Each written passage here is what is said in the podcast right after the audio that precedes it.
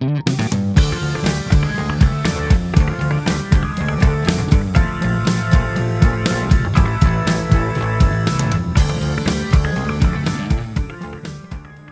merhaba. Finifugal Süce'ye hoş geldiniz. Ben Göksun Atlı. Ben İrem Bozdağ. Bu bizim podcast kanalımız. Yeni bir kanal. Bu kanalda yayınlamak istediğimiz konuları kendi aramızda konuşurken bunları biraz daha araştırıp yayınlayalım istedik.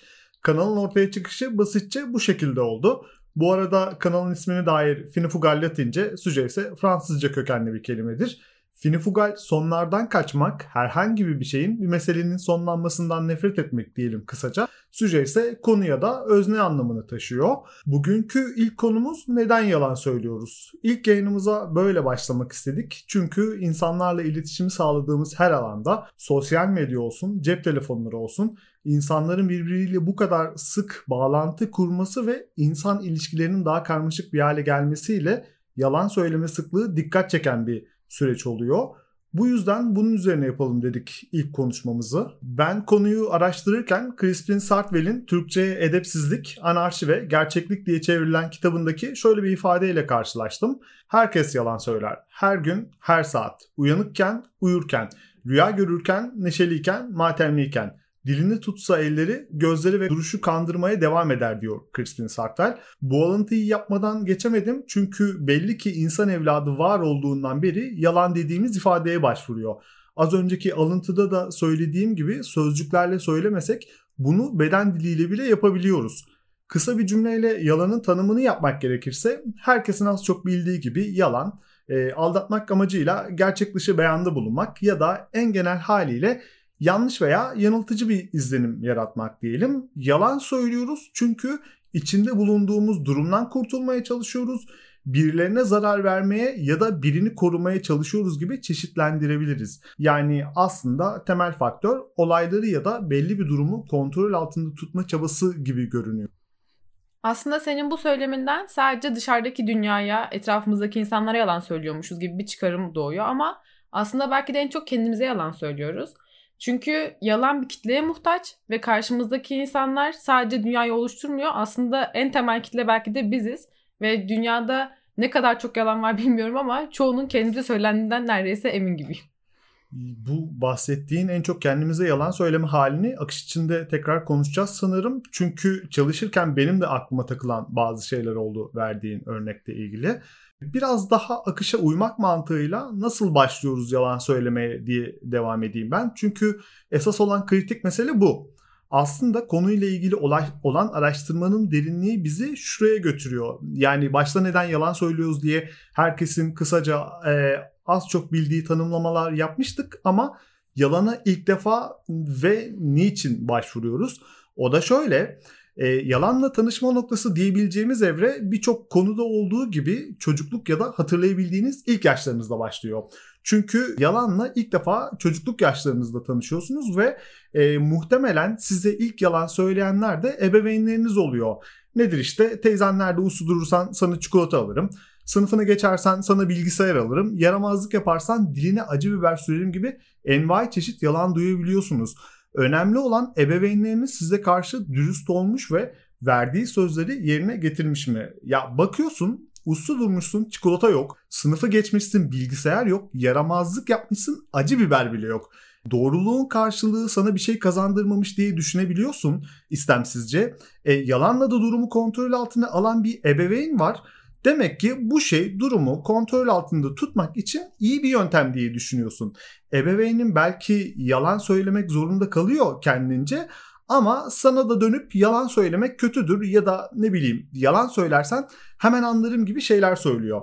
E, fakat çocuk artık yalanla tanışmış oluyor. O noktada çocuk yalanın kendisine karşı işe yaradığını fark ettiğinde bu yalanlara sizin de inanabildiğinizi öğrenmeye başlıyor. Sizin artık bir zihin okuyucu olmadığınızı aslında yalanları da yakalayamadığınızı fark ediyor. E, sen orada istesen de istemesen de bu işler böyle dönüyormuş diye bir kenara yazıyorsun bunu. İlerleyen yaşlarınızda bunu bazen en yakınlarınızda bile kurulmak üzere bir yöntem olarak kullanıyormuşsunuz. Hatta evrimsel psikologlar yalan insanın bir tür iletişim yöntemidir diyor. Aynı zamanda bunun insanda bir yetenek olduğunu da ifade ediyorlar. Çünkü tüm hayvanlar aldatma yöntemine başvururken aldatma insanda daha akıcı bir düşünceyle yeteneğe dönmüş durumdadır. Tam da bu noktada garip bir ikilem çıkıyor. Hayvanlar canı yandığında ya da benzer bir durumda bunu dışarı vurur. İyi kendi hayvanımdan biliyorum yani. iyi hissetmediğinde havlar, miyavlar falan. O nasıl bir hayvan ya? ya bir gergedan bir porsuk. Ee, havlayan gergedanla miyavlayan porsuk. Kedi köpek işte ne olsun. yani hayvanlar bunu bir şekilde e, şey yapabiliyor. E, dışarı belli edebiliyor ama insansa böyle bir durumda duygularını ya da acısını saklayıp yine rol yapabilme yeteneğine sahip. Yani bari canın yandığında sal diyesi geliyor ya da ağlamak istediğinde bir sal diyesi geliyor insanın. E, bu da garip bir rol kesme durumu şimdi. Mesela Çocukları düşünün, e, küçük çocukları işte e, düşünelim. Canları yandığında hemen anlatıyorlar ya da bir yardım arıyorlar. Çünkü canı yanmış. Niye saklasın ki? Ama yetişkinlerde durum yine bir rol yapma haliyle işte hayır çok iyiyim, ağlamadım gibi ifadelerle e, gerçekliğini kaybedebiliyor. Yani ağlamadım deyince tabii ki ağlamamış sayılmıyor ama bu biraz da benim bakış açım. çünkü duyguların e, duygularımızın kendimizi e, içine soktuğumuz durumlar nedeniyle daha fazla rol kesmeye e, ya da aldatma yöntemine maruz kaldığını e, dolayısıyla aynı zamanda yalanın duygularımızı heba ettiğini düşünüyorum. Şimdi tam bu noktada sen tam da rol kesmek demişken ve çocuklarla yetişkinler arasındaki farklardan bahsetmişken e, ben işin biraz psikolojik boyutuna baktım. Özellikle çocuklarda bu olay nasıl e, ilerliyor diye. Theory of Mind adında yani zihin teorisi adında bir teorimiz var ve bayağı da kabul gören bir teori aslında. Şunu savunuyor çok basit haliyle. Ee, çocukluk yaşlarında sen bir birey olarak dünyaya geliyorsun ve aslında dünya senin için çok tekil bir yer. Yani sen varsın etrafında insanlar var ama Düşüncelerin sadece senin kafanda ilerliyor. Senin duyguların, senin düşüncelerin, senin isteklerin, taleplerin var ve sonrasında giderek fark ediyorsun ki yaşanmaya başladıkça tabii ki e, etrafında insanlar var ve aslında onların da yine duyguları, düşünceleri, talepleri var. Bu sırada sen kendi duygularının ve düşüncelerinin karşındakiyle bazen örtüştüğünü, bazen örtüşmediğini anlıyorsun her ne kadar benzer şeyleri düşünüyor olsanız da çoğu zaman aslında birbiriyle uyuşmadığını görüyorsun. E, tam bu noktada sen karşındaki kişinin de farklı düşünceleri olduğunu anlamaya başladığın zaman Theory of Mind adındaki teori, zihin teorisi daha çok gelişiyor ve senin artık mindsetin yani düşünce setin tek bir kişiden daha çoğul bir kalabalığa dönüşüyor. Burada da yine şöyle bir durum oluşuyor. Sen ne kadar çok karşıdaki kişileri anlayabiliyorsan empati yeteneğin tabii ki bu sırada gelişiyor ve empati yeteneğin arttıkça yalan söyleyebilme kabiliyetin de artıyor. Bununla alakalı çok tatlı bir deney var e, çocuklar üzerinde yapılan. Şimdi mesela biz yetişkinler olarak ben sana elimde bir sünger olsa ama bu taş görünümlü bir sünger olsa e, atıyorum işte koyu renklidir, hafif cins çıkıntısı vardır falan. Ben biliyorum ki bu bir sünger ve sonra sana gösteriyorum. E, diyorum ki işte uzaktan sen bakıyorsun daha doğrusu süngere. Onun önce taş olduğunu sanıyorsun. Aslında taş olduğunu biliyorsun. E, pardon taş olduğunu sanıyorsun ama e, ben sana süngeri verdiğim zaman sen onun sünger olduğunu fark ediyorsun. Ve ben aslında sana süngeri vermeden önce senin onu uzaktan taş zannedeceğini biliyorum. Çocuklarda şöyle gelişiyor. Bir çocuk onun sünger olduğunu sonradan fark ettikten sonra diğer karşıdaki ikinci bir kişinin de onun sünger olacağını anlayabileceğini sanıyor henüz daha dokunmadan. Yani aslında empati yeteneği henüz gelişmediği için karşındaki kişi direkt kendisi gibi düşünüyor olarak farz ediyor.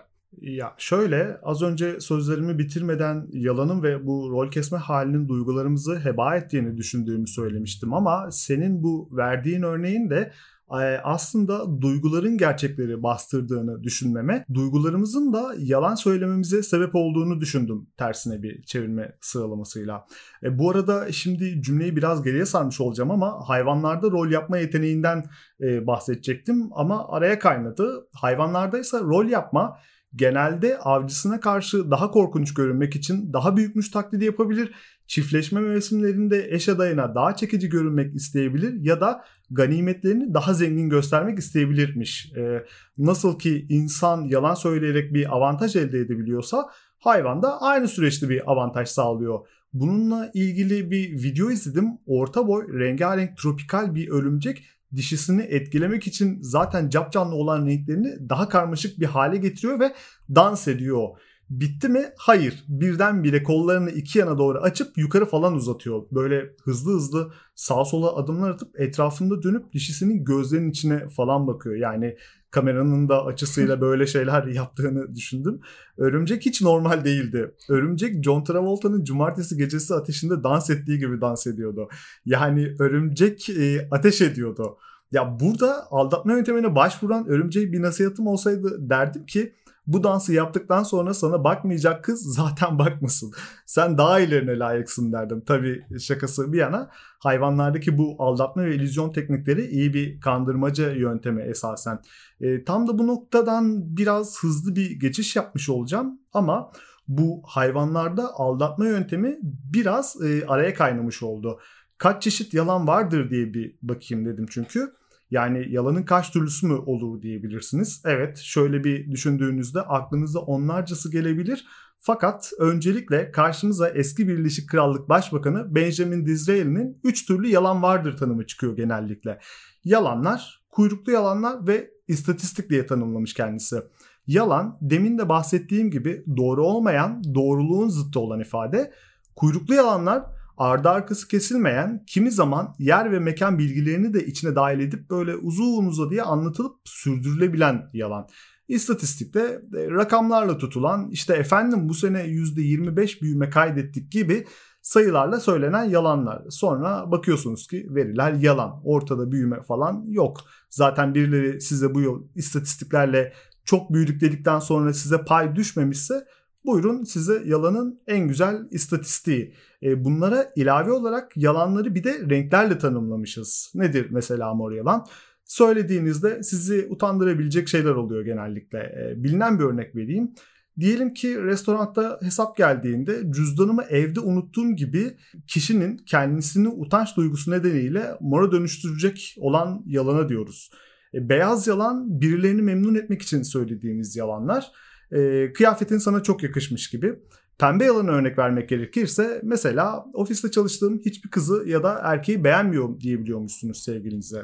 Ya mesela yalanların çeşitliliği anlamında ciddi ya da büyük yalan diye tanımlanan yalanlar daha kolay ortaya çıkıyormuş ve sonu genellikle hayal kırıklıkları ya da can yakıcı sonuçlara yol açıyormuş. Tam tersine e, basit ve önemsiz yalanlarsa kolay kolay ortaya çıkmaz ve yalan olduğu anlaşılsa bile üzerinde fazla durulmazmış.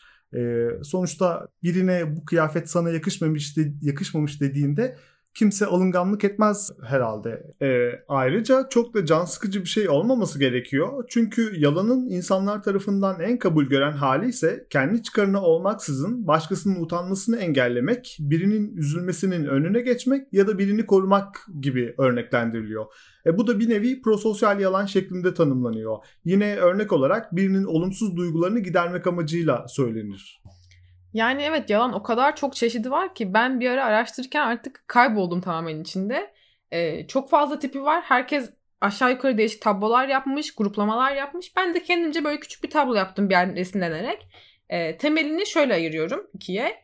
Ee, birincisi kendimize söylediğimiz yalanlar. Diğeri de dış dünyaya, dışarıdaki insanlara söylediğimiz yalanlar. Bunu da yine kendi içinde değerlerimiz ve gerçekler hakkında olarak ikiye ayırıp toplamda dört kategori oluşturuyorum. Ee, önce dışarı söylenen yalanlara bakacağım. Yani aslında kendimizin dış dünyaya söylediğimiz yalanlara. Ee, ilki çok basit aslında. Daha deminden beri de konuştuğumuz gerçekler hakkında söylediğimiz yalanlar.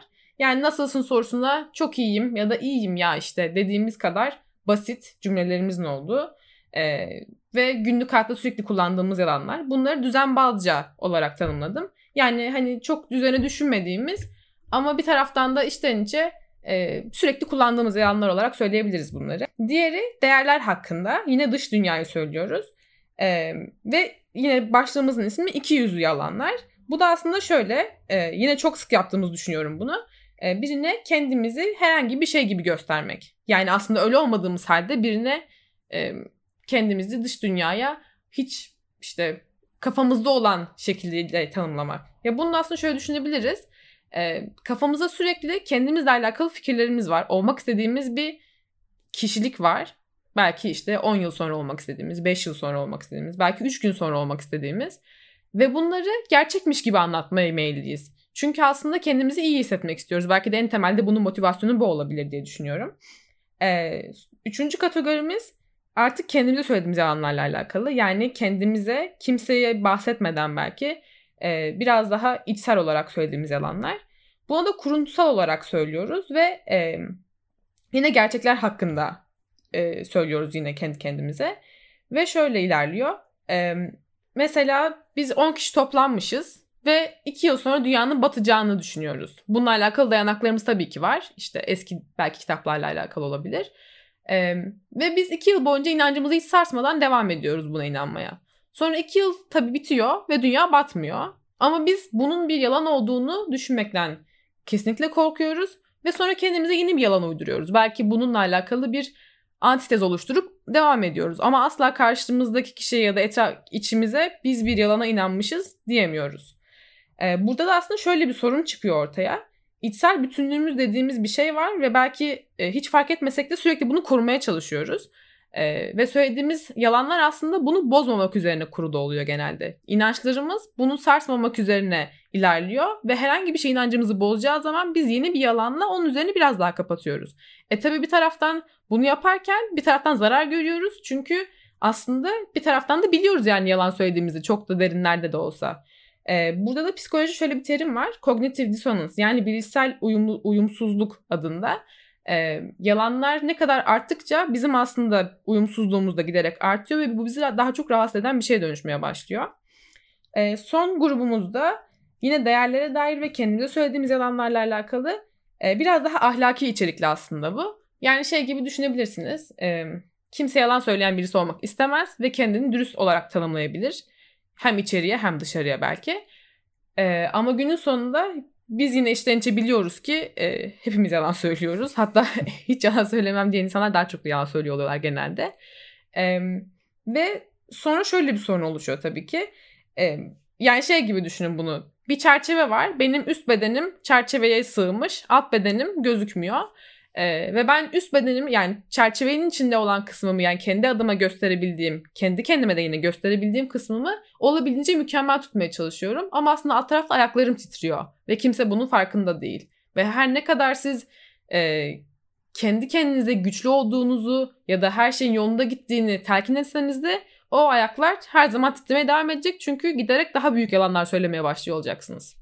Evet işte yalanlar arttıkça kendine uzaklaşma hali buna rağmen o yalanlara daha sıkı sarılma durumu fakat bir gün geldiğinde ayan beyan iddia ettiğin tablodan farklı bir sonuçla bile karşılaşsan e, bu sefer demin de bahsettiğin insanın kendini içinden yalan söyleme hali devreye girebiliyor. Herhalde herkes az çok karşılaşmış olabilir benzer örneklerle ya da kendi içinde yaşamış olabilir bu tutarsızlığı. Buna sadece biz ya da yalan söylediğini düşündüğümüz insanlar e, ya da sadece siyasetçiler de başvurmamış. Sözünü güvenilir insanlar da benzer hataya düşebilmişler. E, aslında tarihte birçok yazar da yalan söylemiş mesela.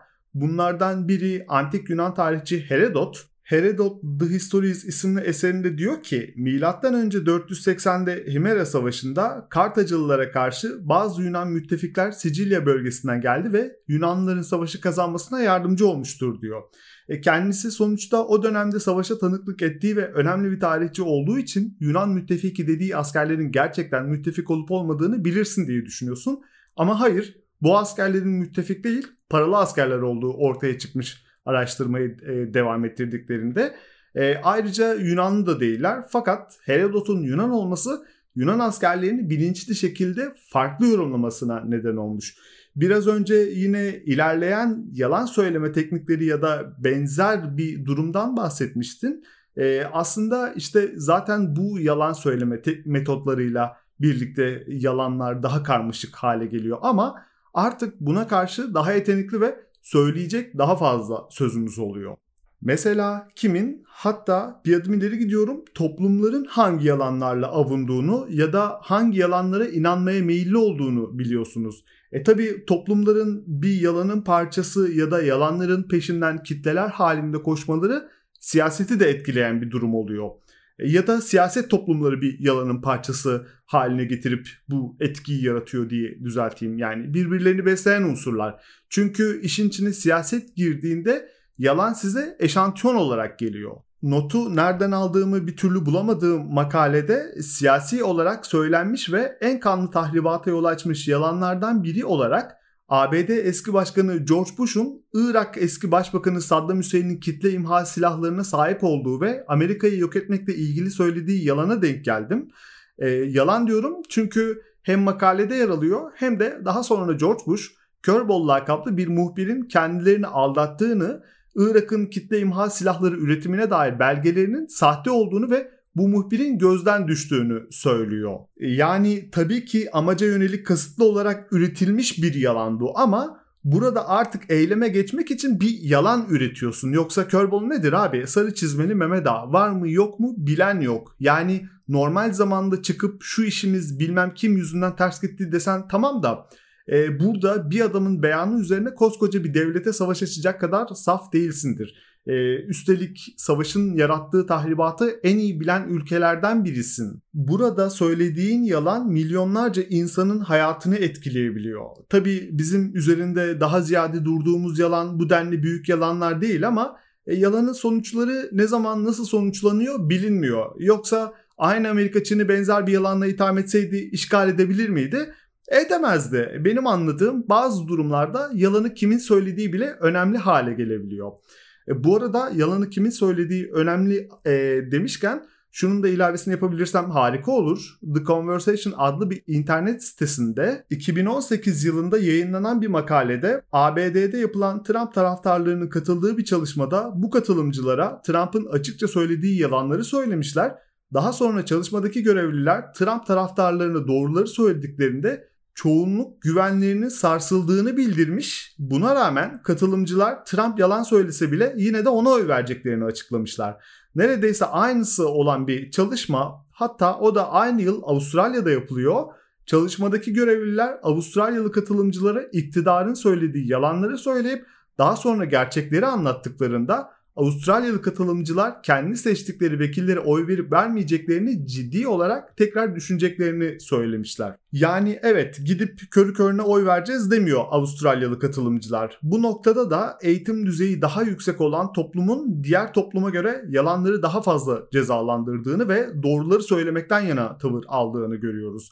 E, bu farklar toplumların e, daha ilkesel ve daha düzeyli toplumlar olmasını sağlayan önemli farklar gibi görünüyor.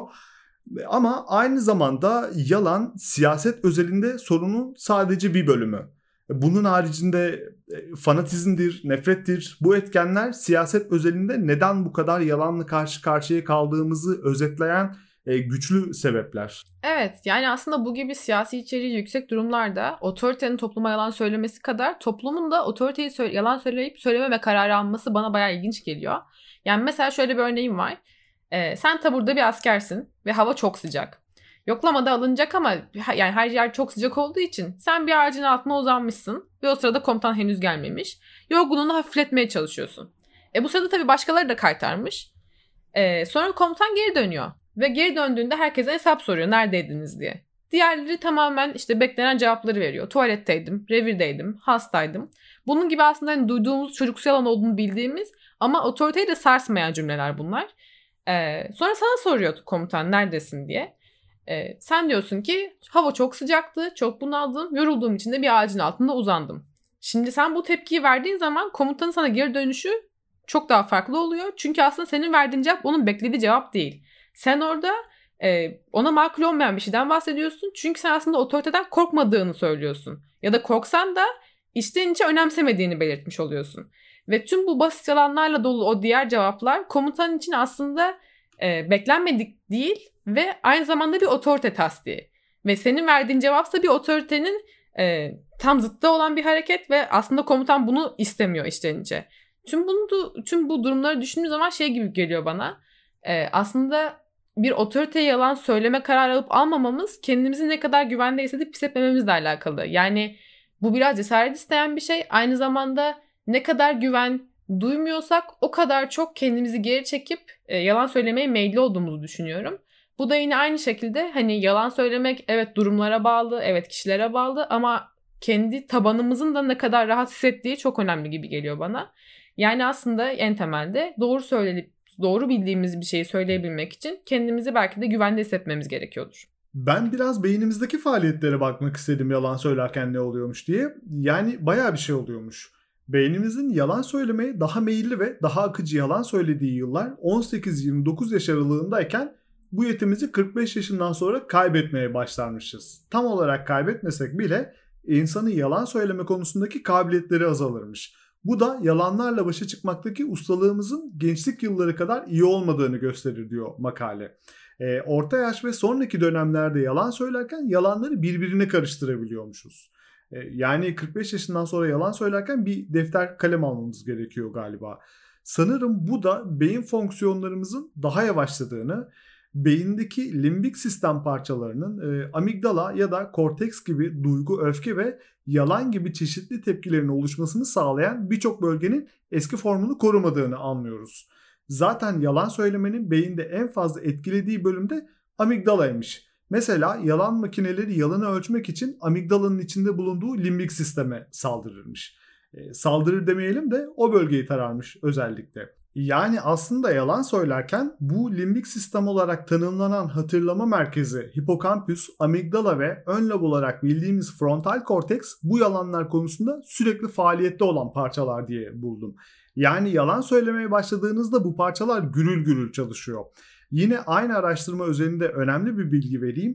1991 yılında Strasbourg Üniversitesi Hastanesi'nde epilepsi nöbetleriyle başı dertte bir adama MR çekmişler ve kafatasında ceviz büyüklüğünde bir tümör görüntülemişler. Sonra adamın hastalığını daha yakından araştıran doktorlar zamanla adamın yalan söylediğinde nöbet geçirdiğini gözlemlemişler.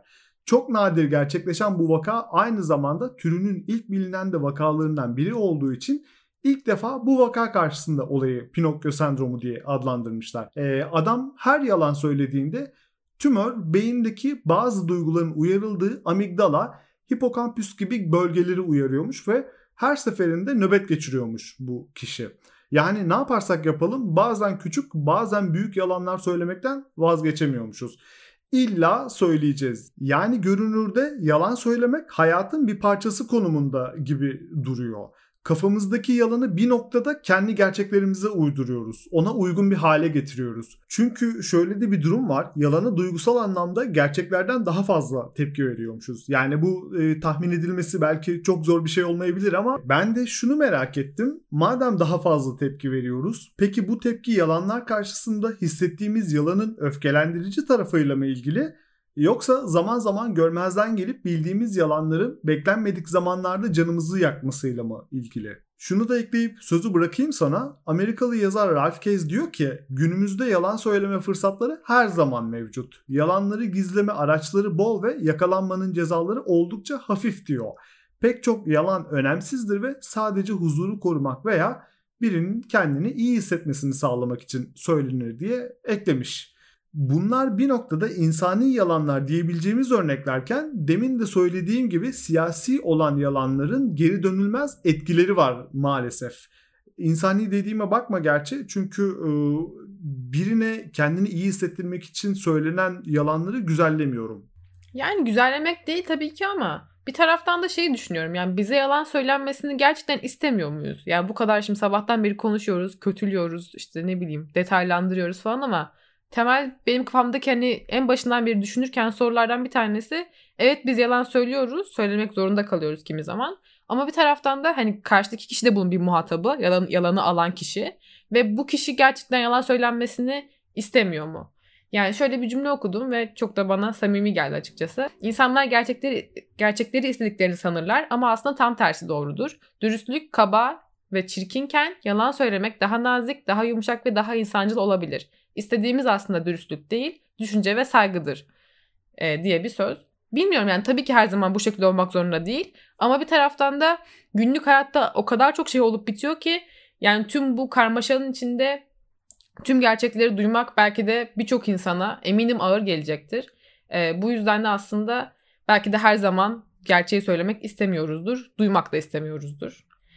E, tüm bunların dışında biraz önce senin beyinle alakalı yaptığın e, detaylı bir bilgiden sonra ben de iki tane küçük şey söyleyeceğim. Beyinde bu yalan söyleme esnasında şöyle bir değişim oluyormuş. Yani işte iki tip yalan ayırıyorlar bu çalışmayı yapan insanlar. E, bir tanesi planlı olarak yalan söylediğimizde gelişen süreç. Diğeri ise o an uydurduğumuz ve kurguladığımız yalan tipi. E, ilkinde yani daha önceden planladığımız ve belki de süre gelen bir yalanı anlatırken beynin e, görsel kısmı çok aktif değil. Ama diğerinde yani o an uydurduğumuz yalanda beynin görsel kısmı çok iyi çalışıyor. Çünkü aslında yalanı söylerken bir taraftan da arkada bir film çekiyorsun. Yani o, o olayı o kadar iyi kurgulaman gerekiyor ki her detayı doğru olmalı. Ve bunu doğrulamak için de beynin tüm görsel hafıza, görsel işletim sistemi deli gibi çalışıyor. Bu bana bayağı garip geldi. Çünkü yani beyin aslında biz iyi yalan söyleyelim diye varını yoğunu ortaya koyuyor gibi. Diğeri de yine bu beyindeki e, sıkıntılarla alakalı bir hastalık tipi. Yine bana inanılmaz acayip geldi. Yani e, okurken hala gerçek olduğuyla alakalı şüphelerim var açıkçası. E, hastalığın ismi global afazi. E, bu hastalar da bir e, kelime anlama sıkıntısı var. Daha doğrusu genel olarak dille alakalı bir e, bug var yani sistemlerinde kelimeler bir türlü normal mantıklı şeylere dönüşemiyor. E, bu da şöyle bir şey.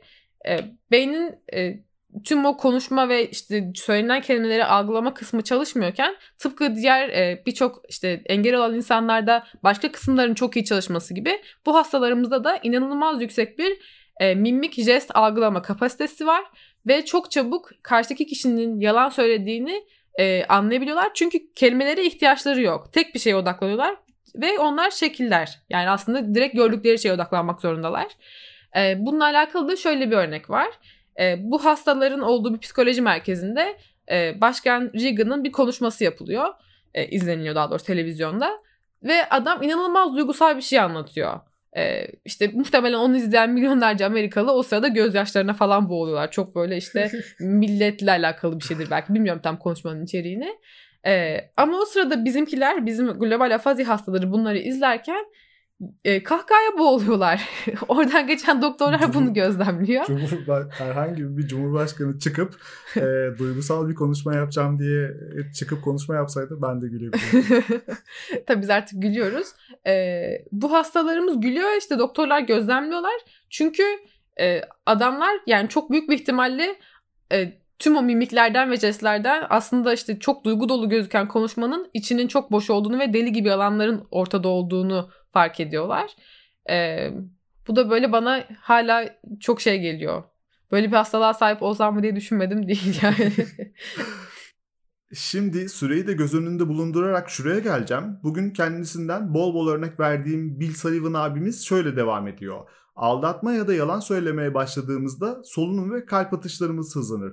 Terlemeye başlarız, ağzımız kurur. Sesimiz titreyebilir ve tansiyonumuz düşebilir diyor. Öleceğiz yani. yani. Baksana tansiyonun falan düşüyormuş. Ne tür bir yalan söyledin ki? Yani biraz daha ötesi ne bileyim kalp krizi gibi bir şey herhalde. Ya buna gerek yok gerçekten. Tamam hepimiz yalan söylüyoruz ama e, konuyu bu kadar uzatma. Bir noktada söyle doğruyu kurtul. Bir defa yalana başvurmamış oluyorsun. Yalan söylediğinde hemen arkasından gelecek olan şeyle boğuşmuyorsun. E, beynin yeni bir yalan üretmek ya da daha önce öyle mi demiştim, böyle mi demiştim diye saçmalamıyorsun. Yalan ortaya çıktığında rezil olmuyorsun, küçük düşmüyorsun. E, ya düşünsene bir telefon geliyor. Hanımefendi sizin bey yalan söylerken hakkı rahmetine kavuşmuş. Ya kalp krizi falan geçirmiş adamcağız. Yani bir yalan söylediğinizde saydığım tüm bu sonuçlara maruz kalacaksınız ya da bu fizyolojik tepkileri vereceksiniz diye bir şey yok. Ayrıca bu tepkileri vermedik diye de bir sosyopat mıyım diye düşünmenize de gerek yok. Çünkü yalan söylediğimiz esnada gösterdiğimiz fiziksel tepkiler e, ne bileyim işte otobüsü 20 dakika beklediğim için geç kaldığım gibi küçük bir yalan değil de en başta da bahsettiğimiz kuyruklu ve sonuçları kötü olabilen yalanlar sonucunda oluşuyor. Ama tüm bunların yanında bir sosyopat empatiden yoksun olduğu için yalan söylerken tipik bir fizyolojik tepki göstermiyormuş doğal olarak. Bir parantez açıp kendi söylediklerine kendi inanan insanlardan da küçücük bahsedeyim. Aslında bu kişiler daha çok mitomani semptomları gösteriyorlarmış ve bu insanların düşünce tarzlarına büyüsel düşünce deniyormuş. Yani yetişkinler hayal dünyalarında ürettikleri yalanlara kendileri de inanma eğiliminde oluyorlarmış. Bu durum çocukları kapsamaz çünkü çocuklar kendi hayal dünyalarında bir takım fanteziler yaratabilir elbette. E, fakat ilerleyen yaş, yaşlarla birlikte bu durum terk ediliyor. E, yalnız şu önemli, mitomanya hastaları genelde söyledikleri yalanla kar elde etmeye ya da bir çıkar peşinde olmaya çalışmazlar diyor işin uzmanları. Aslında bir tür beyaz yalan gibi. Ya kimseye zarar verme eğilimiyle anlatılmaz ama beyaz yalan diyebileceğimiz bir yalan gibi birini üzüntüden e, yani birini korumak amacıyla da söylenmez. Anladığım kadarıyla daha çok dikkat çekmek eğlenmek hatta öylesine bile anlatılabiliyor. Eğer bu kişilerle karşılaşırsanız onun bir mitomanya olduğunu anlamakta zorlanabilirsiniz. Çünkü bu hastalar çok üstün sözel yeteneklere sahip olurlarmış. Yani tabii bir sürü hastalık çeşidi var. Belki de hiç duymadığımız, hiç teşhis edilemeyen çünkü o kadar iyi yalan söyleyen insanlar var. Ama tabii dediğin gibi yani işte iki taraflı bir bedel bu aslında. Yalan söylemediğin zaman kendini belki daha iyi korumuş oluyorsun, çok uğraşmamış oluyorsun. Kafanın içine çok uğraşmamış oluyorsun. Ama belki işte dediğim gibi daha önce de karşındaki kişiye duymasını istemediğin şeyler söylemiş oluyorsun. Ee, yalan söylediğinde de tabii ki çok daha karmaşık bir sürece giriyorsun. Bu bir e, bedel tabii ki yine hani çünkü uğraşıyorsun yani bir şeyi inşa etmek için uğraşıyorsun. Aslında hiç olmayan bir şey belki de. E, ama bir taraftan da belki günü kurtarıyorsun. Belki karşındaki kişiyi kurtarıyorsun. Bunların hepsi tamamen gün akışında tercih edilebilen şeyler gibi geliyor bana ve hiçbirimiz de tek bir şey tercih etmiyoruz kesinlikle. Kimi evet. zaman öyle olmak, kimi zaman böyle olmak istiyoruz. Hani niye, neye göre istiyoruz? O da çok meçhul çünkü en tabii, temelinde tabii. bu aynen. yalanları nasıl kullanacağımız aslında biraz da bize kalmış bir süreç olduğu için yani hepsini kendi kafamızdan şey yapıyoruz, inşa ediyoruz. Ee, Scientific American dergisinde yayınlanan bir makalede de e, diyor ki yalan söylemek insan zihninin en gelişmiş ve en karmaşık talepkar başarıları arasındadır diyor. Makalede yalan söylemek insan davranışının repertuarının önemli bir bileşeni olduğunu gösterir. Onsuz bir şeylerle başa çıkmakta zorlanırız. İnsanlar her zaman yalan söylemeden saf gerçeklikleri konuştuğunda Parkinson hastalığı veya beynin ön lobundaki belirli alanlar insanların yalan söyleme yeteneğini bozabildiği gibi patavatsız ve kırıcı olarak değerlendirmeye eğilimlidirler diyor. Günlük yaşamda kibarlıktan da olsa her zaman küçük beyaz yalanlar söyleriz. Ee, ev yapımı turtan harika, korkunç. Hayır büyük anne merak etme. Ee, hiçbir şeyi bölmüyorsun. Büyük anne her şeyi bölmüş falan. Ya birazcık rol kalıcı zarar kalıcı zarar vermeden insan ilişkilerini düzeltiyor gibi görünüyor diye de eklemiş. Ee, biraz alakasız olacak. Herkesin kendine en kötü yalanını itiraf ettiği bir sayfada denk geldim. Biri diyor ki restoran şefliğinden çok sıkıldığım bir gün yönetici pozisyonunda eleman arayan bir şirkete başvurdum ve işe alınmadan önce telefonla aradıklarında 5 yıllık ofis yöneticiliği geçmişi olduğunu söylemiş. O an telefonla mülakat yaptılar. Sordukları soruları hızlıca Google'da aradım ve telefonda söyledim diyor. Ertesi hafta bu kişiyi işe almışlar. İki yıl geçmiş ve bu kişi diyor ki hala ne yaptığımı bildiğimi sanıyorlar diyor. Çok daha fazla kazanıyormuş. Ara sıra hiç olmayan 5 yıllık yöneticilik geçmişinden örnekler veriyormuş. Yani inşa etmek böyle bir şey olsa evet, gerek. Yalan, iyi. kuyruklu yalan diye e, buna diyoruz galiba. Bölümün sonuna gelmiş bulunuyoruz. Ekleyeceğim bir şey var mı? Çünkü ben de sona bir şey ilave etmek istiyorum. Yani aslında çok hani spesifik bir şey yok ama sadece e, o kadar konuştuk, o kadar biz de hani çalıştık daha öncesinde. Günün sonunda ben şeye varıyorum. Yani yalan söylemek biraz sanki zorunluluk gibi ve bunu bu kadar böyle e, bizim de belki şu an yaptığımız gibi bir başlığın altına sıkıştırmak da belki gereksiz. Çünkü e, çok hayatın içinden bir şey yani. Bu böyle ayırt tutabileceğimiz ya da yalan söyleyen insanları ayıplayıp biz hiç yalan söylemiyoruz diyen o grubu alıp e, işte ütopik bir yere koyabileceğimiz bir durumda da değiliz. Çünkü böyle bir şey mümkün değil. E, o yüzden bununla yaşamayı bir şekilde öğreniyoruz. Olabildiğince insanları kırmadan ve zorlamadan hayatımıza devam edebiliyorsak bir sorun yok gibi geliyor bana. E, ben de sözlerime şöyle son vereyim. Yalana ne yazık ki çok fazla başvuruyoruz. E, hepimizin başvurduğu bir e, durum bu. Çünkü aşağılanmaktan, bir nesne gibi muamele görmekten, reddedilmekten, bir şeylerin kontrolünü kaybetmekten ve en çok da belirsizlikten korkuyoruz. Ee, zaman yani fantezilerimize gerçek dediğimizde de kendimize yalan söylüyoruz.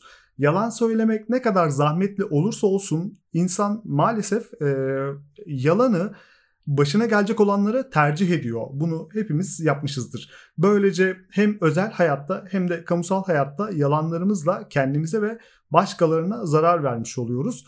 Son olarak e, yalanlar e, karşılıklı güveni yok eder diyeyim ve... Tam bir kapı, kamu spotusun şu anda. kamu spotuna burada son veriyorum. E, ikinci bölümümüzü tahminen iki haftalık bir süreç içinde yayınlamayı planlıyoruz. E, Hoşçakalın. Görüşmek üzere.